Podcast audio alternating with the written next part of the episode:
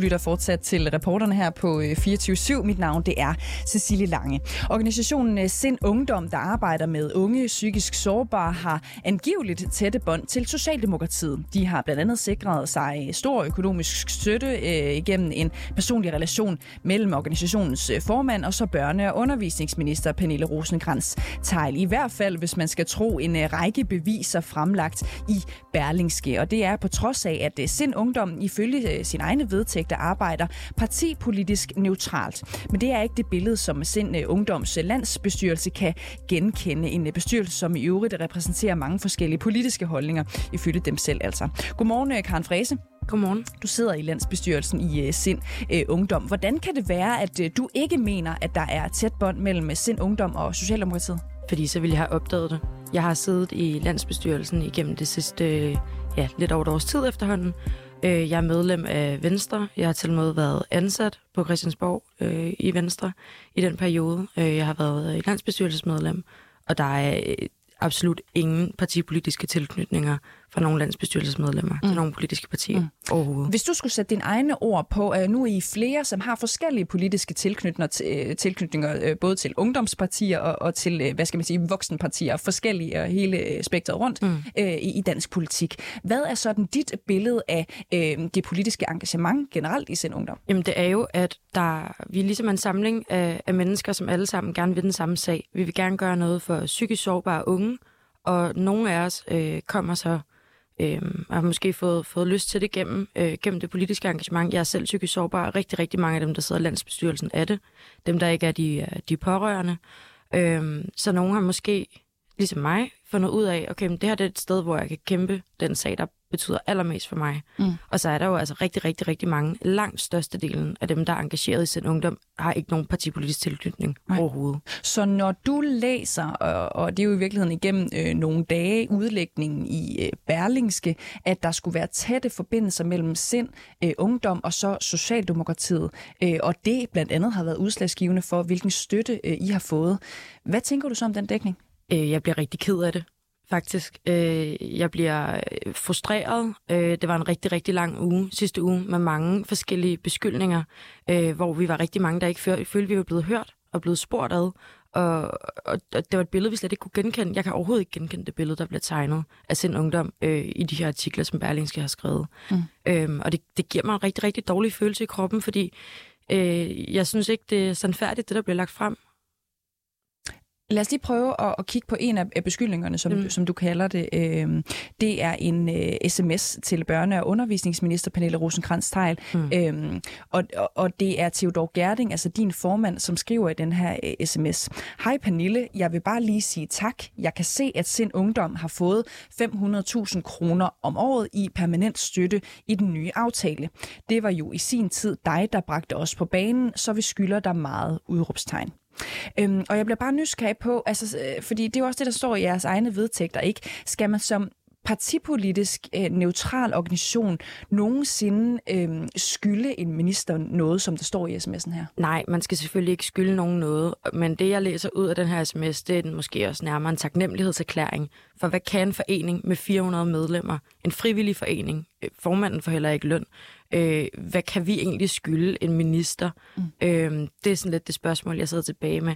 Og så, så altså, jeg tror måske, Theodor har været lidt hurtig på aftrækkeren her, og egentlig gerne vil udtrykke sin, sin taknemmelighed for noget politisk ørenlyd. Den sag, som er sindssygt svær at brænde igennem med, og hvor det er sindssygt svært at få, at, at få noget til, altså at, at der bliver rykket ved noget. Mm. Øh, og rigtig, rigtig mange organisationer får støtte, øh, statsstøtte, alt muligt andet.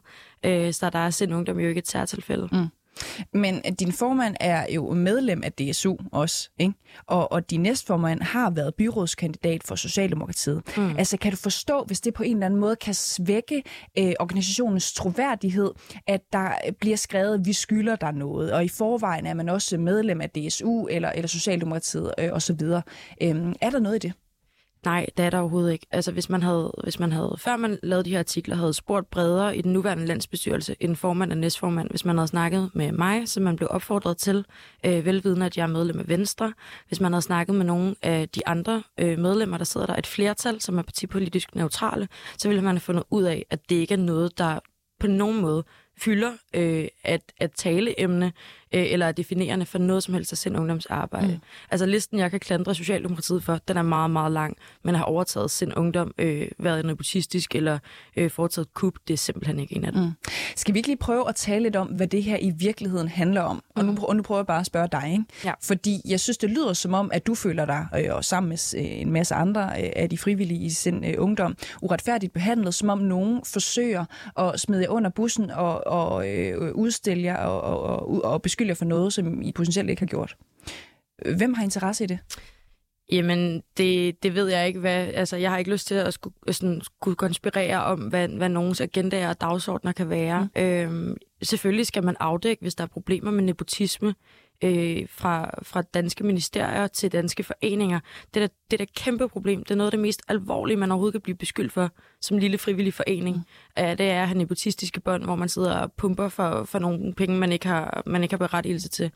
Det er jo mere, fordi det er jo ikke andet end, end fire dage siden, eller sådan noget, at, øh, at din egen øh, for, øh, formand, øh, Theodor Gerding, øh, var ude med et opslag på sociale medier. Han skrev blandt andet på Facebook og på Twitter, at han var af den øh, opfattelse, at det sådan set var internt i sind, at der var nogen, der forsøgte øh, at kaste om sig med mere eller mindre øh, utroværdige informationer, og det også var øh, på den baggrund, at Berlingske var begyndt at undersøge det her, som du altså kalder løgn og latin.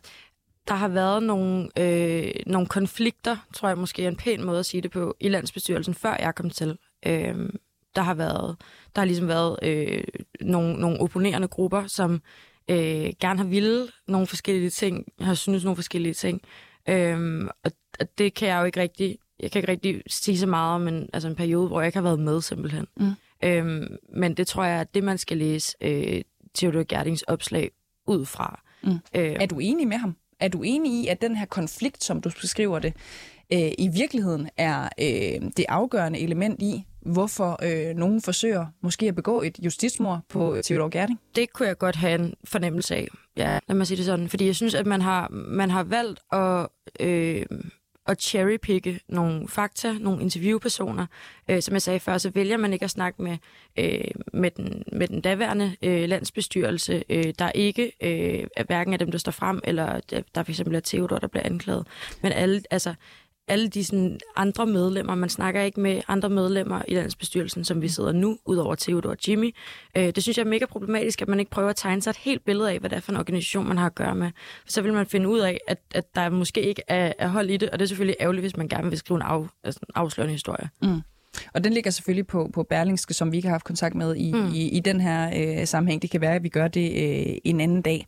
Øhm, de her mennesker, øh, som potentielt har forsøgt, øh, og det er jo dit øh, udsagn, det er også Theodor Gerdings øh, udsagn, i hvert fald har sagt noget til Berlingske, som I mener ikke er, er sandt. Ikke? Øh, de findes jo stadigvæk i sind, øh, ungdom, nogle af dem i hvert fald. Ja, i hvert fald ikke alle sammen. Ikke, øh, ja, jeg har ikke helt lige sådan overblik over, hvor mange af dem, der er egentlig rigtig... Mm. Jeg ved også, der er nogen, der har noget med sind. Altså, der er både sind og sind ungdom. Mm. Nogen har noget at gøre med det ene og det andet. Mm. Er det en konflikt, som er i sin ungdom øh, lige nu med dem, som fortsat er der, som måske har ønsket, at, øh, at, at Theodor Gerding skulle gå af, eller der skulle være en ny ledelse? Øh, er det problematisk i forhold til, at I rent faktisk kan passe jeres arbejde? Nej, det har jeg ikke oplevet overhovedet. Øh, det har været rigtig, rigtig hårdt for, øh, særligt for mig og Theodor, der er gået, der er gået hårdt ind i den her... Øh, øh, diskussion for at fortælle vores side af historien. Øh, Theodor selvfølgelig som formand, og, og mig som, øh, hvad skal man sige, øh, spydspids for øh, ikke at have følt, at, øh, at, at billedet er, er sandt, fordi vi ikke er blevet talt med. Mm. Øh, og som det også handler om. Øh, men, men det sidste, altså, der var et formandsopgør i, i, øh, i foråret sidste år, mm. og siden da har der ingen problemer været med noget som helst. Øh, arbejdet i landsbestyrelsen har fungeret fuldstændig upåklageligt. Øh, der er ikke nogen konflikter. Øh, det er ikke noget, der sådan ligger og lurer. Mm. Øh, det Men det. hvis der er nogen i sin ungdom for eksempel, som ja, potentielt lyver eller øh, præsenterer fejlagtige informationer til Berlingskes journalister, kan man så stadigvæk være med? Det, det skal jeg ikke stå her og være, være dommer over. Altså, hvad, det, det er mere, hvad du synes? Jamen, jeg synes, at man, øh, jeg synes, man skal være kritisk altid. Man skal stille sig undrende over for ting, der kan se mærkelige ud. Og så synes jeg, man skal komme til bunds i det. Det synes jeg ikke, man har gjort med de her artikler, der er fremlagt, for jeg synes kun, at man har set den ene side af det. Øh, vi har ikke fået lov til at fortælle vores historie. Jeg har ikke fået lov til at fortælle min historie før øh, sent i sidste uge, hvor, øh, hvor jeg lå mig interview. Det er der ikke kommet noget ud af endnu, mm. i hvert fald.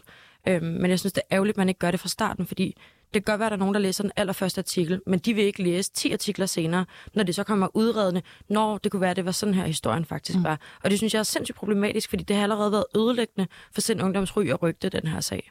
Tror du, at alt det her kunne være undgået, hvis øh, det for eksempel havde været et krav, at man øh, ikke må være politisk aktiv overhovedet ved siden af sit frivillige arbejde øh, i, i, øh, i en parti uafhængig øh, organisation, som det jo er Sind Ungdom, ikke? Nej, det ville det ikke, fordi så ville, vi, så ville, ville der være sindssygt mange foreninger, vi ikke havde. Øh, Sind Ungdom, Metal Ungdom, alle mulige andre elev- og studenterbevægelser øh, ville slet ikke eksistere, hvis man ikke måtte være øh, partipolitisk øh, aktiv samtidig.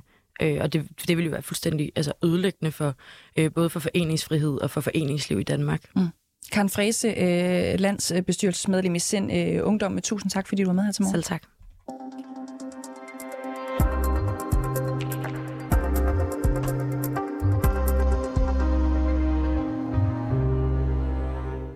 Mette Frederiksen er sprunget ud som øh, podcast vært i fredags udkom første afsnit af podcasten. Statsministeren spørger, hvor statsministeren altså inviterer vigtige personer ind for at tale om vigtige emner. Første person i sædet, øh, det var Rune Lykkeberg, som selvfølgelig er chefredaktør på Information, og Mette Frederiksen selv har sagt, at årsagen til at lave den her podcast, det er, at der ikke har været plads til fordybning, men øh, kan vi samtidig også sikre, at der ikke bare bliver mikrofonholderi og hyggesnak, når kritiske stemmer deltager? Er nu glad for at sige, at Rune Lykkeberg lige præcis er trådt ind i studiet. Det er jo dejligt, fordi det er ham, vi skal øh, tale med øh, nu. Rune Lykkeberg, øh, godmorgen og velkommen til programmet. Godmorgen. Du er som sagt chefredaktør på Dagbladet Information. Rune Lykkeberg, jeg har været spændt på at tale med dig, specielt fordi jeg er meget nysgerrig på, hvordan det har været at være med i statsministerens podcast Mette Spørg. Ikke? Statsministeren spørger, undskyld. Øhm, hvordan kom det egentlig overhovedet i spil, at du skulle medvirke i, i den her podcast? Øhm, den den lange version, som vi godt kan gøre meget kort her. Kan vi det? ja, jamen, den lange version er, at øh, de ringede over fra statsministeriet en gang i efteråret og var ekstremt frustreret over den offentlige samtale, noget som man faktisk også har givet udtryk for ved flere lejligheder, og spurgte, om jeg ville komme over og tale med statsministeren om det. Mm. Øh, og det er ikke, altså det, det er første gang i mange år, jeg har talt med Mette Frederiksen øh, på tomandshånd. Øh, så det er ikke sådan en uh, everyday foretagelse. Nå, så kom jeg derover, og hun var i ekstremt dårligt, hun var i ekstremt dårligt humør Nå. over, jamen over offentligheden og debatten og, og så videre, så videre, så videre. Og jeg sagde til hende, prøv at høre, jeg kan godt forstå, jeg synes, der er rigtig meget journalistik, der går enormt hurtigt. Jeg synes, der er en meget banal forståelse af magt. Jeg synes, der er meget mere, nu skal vi jo vise, hvor kritiske vi er, så vi kan råbe rigtig højt, mm. Så det kan jeg godt se på det den ene. som os. Hvad siger du? Og så er der på den anden side, synes jeg også, at der er den bedste offentlige samtale nogensinde. Jeg synes, der er utrolig meget journalistik, der er på et højere niveau end nogensinde før. Jeg synes, der er en samtale om for eksempel klima, som faktisk er virkelig, altså virkelig på et højt niveau, hvor du har unge aktivister, du har videnskabsfolk, du har internationalt udsyn, du har energiforsyning osv. Og jeg sagde til hende, jeg synes aldrig, du taler til den gode del af den offentlige mm. debat. Jeg synes altid, du ser den negative del, og går i forsvar og sidder inde i din borg og ser hele verden som din modstander. Hvad sagde hun til det så? Øh, jamen, det var ikke et, det, jeg vil sige det på den måde, at uh, det var ikke et billede, hun ikke kunne genkende. Okay. det var ikke sådan, hun sagde, nej, det er vel nok forkert. Og så sagde jeg, så sagde jeg, jeg synes, du skulle prøve at høre Franklin D. Roosevelt, den amerikanske præsident, fireside chat, som han holdt i 30'erne. Som han holdt til et land i dyb, dyb, dyb økonomisk krise, og øh, i, langsomt i kamp mod nazismen, fordi der talte han virkelig til folk, som om de kunne tænke selv. Så det var det. Det sagde jeg, prøv at høre dem, fordi der er faktisk en, der taler til den højeste fællesnævner. Mm. Og så gik der nogle måneder, og så ringede de for øh, en måned, tre uger siden, jeg kan ikke huske det. En gang her i foråret ringede de og sagde... Øh, du er udvalgt. Ja, de ringede og sagde, at de ville gerne have inviteret mig med en podcast, som statsministeren skulle lave, og at jeg skulle være den første gæst, fordi det var mig, der havde givet hende idéen, så sagde jeg, det kan jeg altså virkelig ikke huske. Jeg, jeg, jeg siger mange ting overalt, hvor jeg kommer rundt, men jeg kan altså ikke huske, at jeg har foreslået det der. Og så sagde de, nej, det var måske heller ikke det, det var det der med fireside chats. Så det er, den, det er en, ja, det er faktisk den lange version, en lidt lang udgave. Okay. Altså, øh, hvilke forbehold, tænker jeg også, har du haft? Fordi du er også øh, øh, journalist, og du var selv lige inde på det før. Det er ikke hver dag, man sådan set kommer i tale med Mette Frederiksen. Det er ikke altid, hun har lyst til at stille op. Hvilke forbehold havde du i forhold til at, at, at være med? Det var, at der skulle være en... Altså, jeg er... Der skulle være en... Det var hende, der skulle have den. Altså, jeg gad ikke sådan noget med at sidde og vrøvle frem og tilbage. Der, der er en... Det ved du jo også som vært. Mm-hmm. Man kan ikke bare sidde og snakke. Der er en, der skal have den, og derfor skal der være en, en rollefordeling, hvor enten er man den, der spørger, eller også er man den, der svarer. Mm. Der er en, der skal være vært. Det var ligesom den ene ting, og den anden ting var, at øh, jeg var interesseret i, hvor lang tid det var. Fordi hvis det var sådan tre minutter, det ville jeg ikke give. Det ville være meningsløst. Øh, men jeg vil sige, når man taler sammen en time, så kan man jo virkelig nå at udfolde sit eget verdenssyn og sine egne kritiske idéer. Mm. Øhm, da jeg hørte, at du skulle være med, og at du skulle være den første øh, øh, gæst i, i statsministeren øh, spørg, så, så kunne jeg mærke, at jeg sad med sådan en lille, øh, måske drøm ind i maven om, at du lavede et kæmpe bagholdsangreb. Var der, ind, var der ingen tanker øh, i dit hoved, som overvejede, hvor meget kan jeg egentlig øh, stikke til hende, eller, eller øh, få hende ud på, på gyngende grund, før jeg ligesom ville blive klippet ud, eller et eller andet? Det er jo det, man kan i podcasting. Jamen, jeg har altid i alle sammenhænge lysten til at ødelægge det hele. Ja. Altså, der er ligesom sådan en... Øh, og det har jeg, kan, har jeg husket hele dengang, jeg var ung, at hvis man sad i et eller andet selskab med nogen, man virkelig gerne ville imponere, så fik jeg lyst til at kaste, ud, kaste op ud over det hele. Så den der... Så det der, når man sidder der, har man selvfølgelig også lyst til at angribe. Mm. Altså, men omvendt synes jeg også, hvis hun har en ambition om, at hun i stedet for kun at være defensiv, sur på pressen, se hele omverdenen som sin modstander. Hvis hun har en ambition om, i stedet for det at tænke højt, at stille spørgsmål, hvordan forstår du krigen? Hvordan forstår du klimakrisen? Hvad er vores forpligtelse over for de unge? Hvis hun har en ambition om det, og vi sidder over på information og skriver om det hele tiden, hvordan man burde forstå verden og klimakrisen, så synes jeg, at jeg vil være latterlig og svigte det, vi i virkeligheden står for, mm. hvis jeg ikke hjalp med at bygge det op. Mm hele øh, Medie Danmark og også mange øh, mediechefer og journalister med, med holdninger til, øh, til medier og journalistik i det hele taget, er jo en lille smule sådan grundbekymret ved, ved den her udmelding om, at øh, Mette Frederiksen nu har sin egen øh, podcast. Kan du finde det frem øh, i dig og, og være bekymret for, at nu sidder hun sgu ikke nok med, at hun har øh, med en af de største influencer i Danmark, øh, jo i virkeligheden med så mange øh, følgere hun har. Nu har hun kunnet hjælpe mig også sin egen øh, podcast, hvor hun kan kommunikere frit. Øh, bekymrer det dig?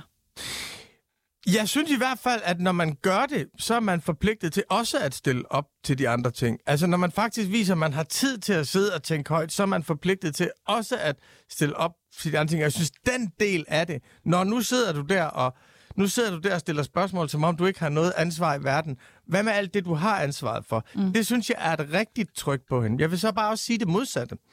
Jeg vil også sige, at når man har magten i Danmark, og vi er i en ekstremt ekstrem opbrudstid. Altså, vi er med en klimakrise, som ingen af os aner, hvordan ender.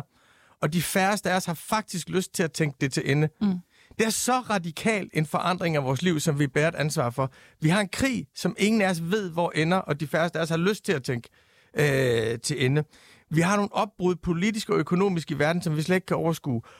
Og der synes jeg faktisk, også man som statsminister er forpligtet til at tænke over det. Mm. Jeg synes faktisk også, man er forpligtet til at stoppe og sige, hvor er det egentlig, vi er på vej hen? Hvordan skal vi egentlig begribe det her? Og jeg synes faktisk også, offentligheden har en forpligtelse til at tænke på det. Så jeg synes, man skal kunne begge dele som statsminister. Og hvis hun siger, det her vil jeg gerne høre nogle svar og nogle, og nogle udlægninger på, så synes jeg, det er en vigtig ambition. Det kan ikke stå i stedet for, de andet, for, for det andet. Men magten skal både drages til regnskab og tænke på samme tid.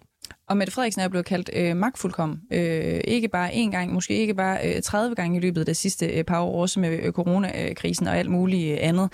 Og jeg ved jo, for det har jeg læst, at øh, det at være med live i, i øh, podcasten var måske ikke helt samme øh, fornemmelse, som, som da podcasten rent faktisk blev udgivet, fordi der var noget, der var klippet ud. Prøv lige at fortælle, hvad, hvordan, øh, hvordan det hang sammen.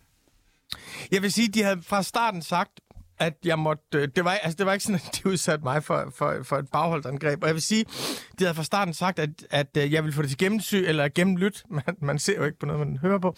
Jeg ville få det til gennemlyt, og så ville jeg kunne sige, det vil jeg have med, og det vil, det vil jeg ikke have med. Øh, så det havde de fra starten sagt. Og da jeg så fik det, så synes jeg egentlig, at Jeg sagde til dem, jeg synes, det er en besværlig form, fordi hun vil jo gerne spørge, men hun vil også gerne kommentere. Ja. Og det at stille spørgsmål er faktisk en suverænitetsafgivelse. Altså, når du sidder og stiller mig spørgsmål nu, så siger du, nu, det, nu spørger, spørger jeg, jeg, du siger, jeg har ikke noget ansvar for holdningerne, og du svarer, Rune, at du har ansvaret for holdningerne. Så går du ikke ind og kommentere, hvad du selv siger, selvom du nikker og sådan noget, men det er jo bare for at sige, at vi forstår hinanden. Mm. Og den form var ikke specielt vellykket i samtalen. Altså, fordi hun spørger om noget, og så vil hun gerne sige, hvad hun mener igen bag, bag, bagefter. Så, så jeg sagde, jeg synes ikke, det der er specielt vellykket, men det var svært at gøre noget ved bagefter. Og så var der noget, jeg ikke ville have med, som er det med, at der findes ikke noget teknologisk fix på klimakrisen. Det er ikke sådan, at så for opfandt vi elbilen, så fortsætter alt, som det gjorde før.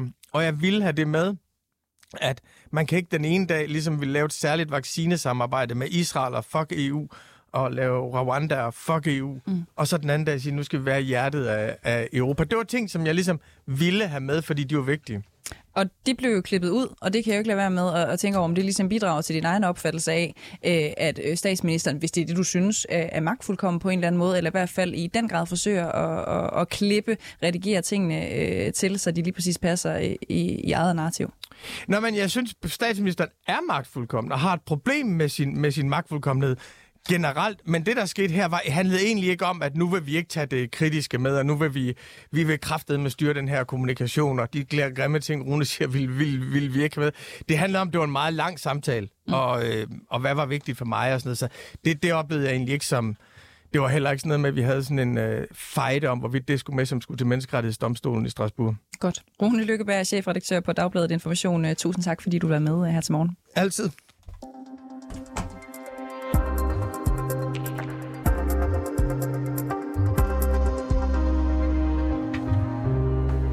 Det var alt, vi havde øh, til jer. Øh, dagens øh, udsendelse af reporteren, det var Oliver Berntsen, som stod i regien. Jeg hedder Cecilie Lange.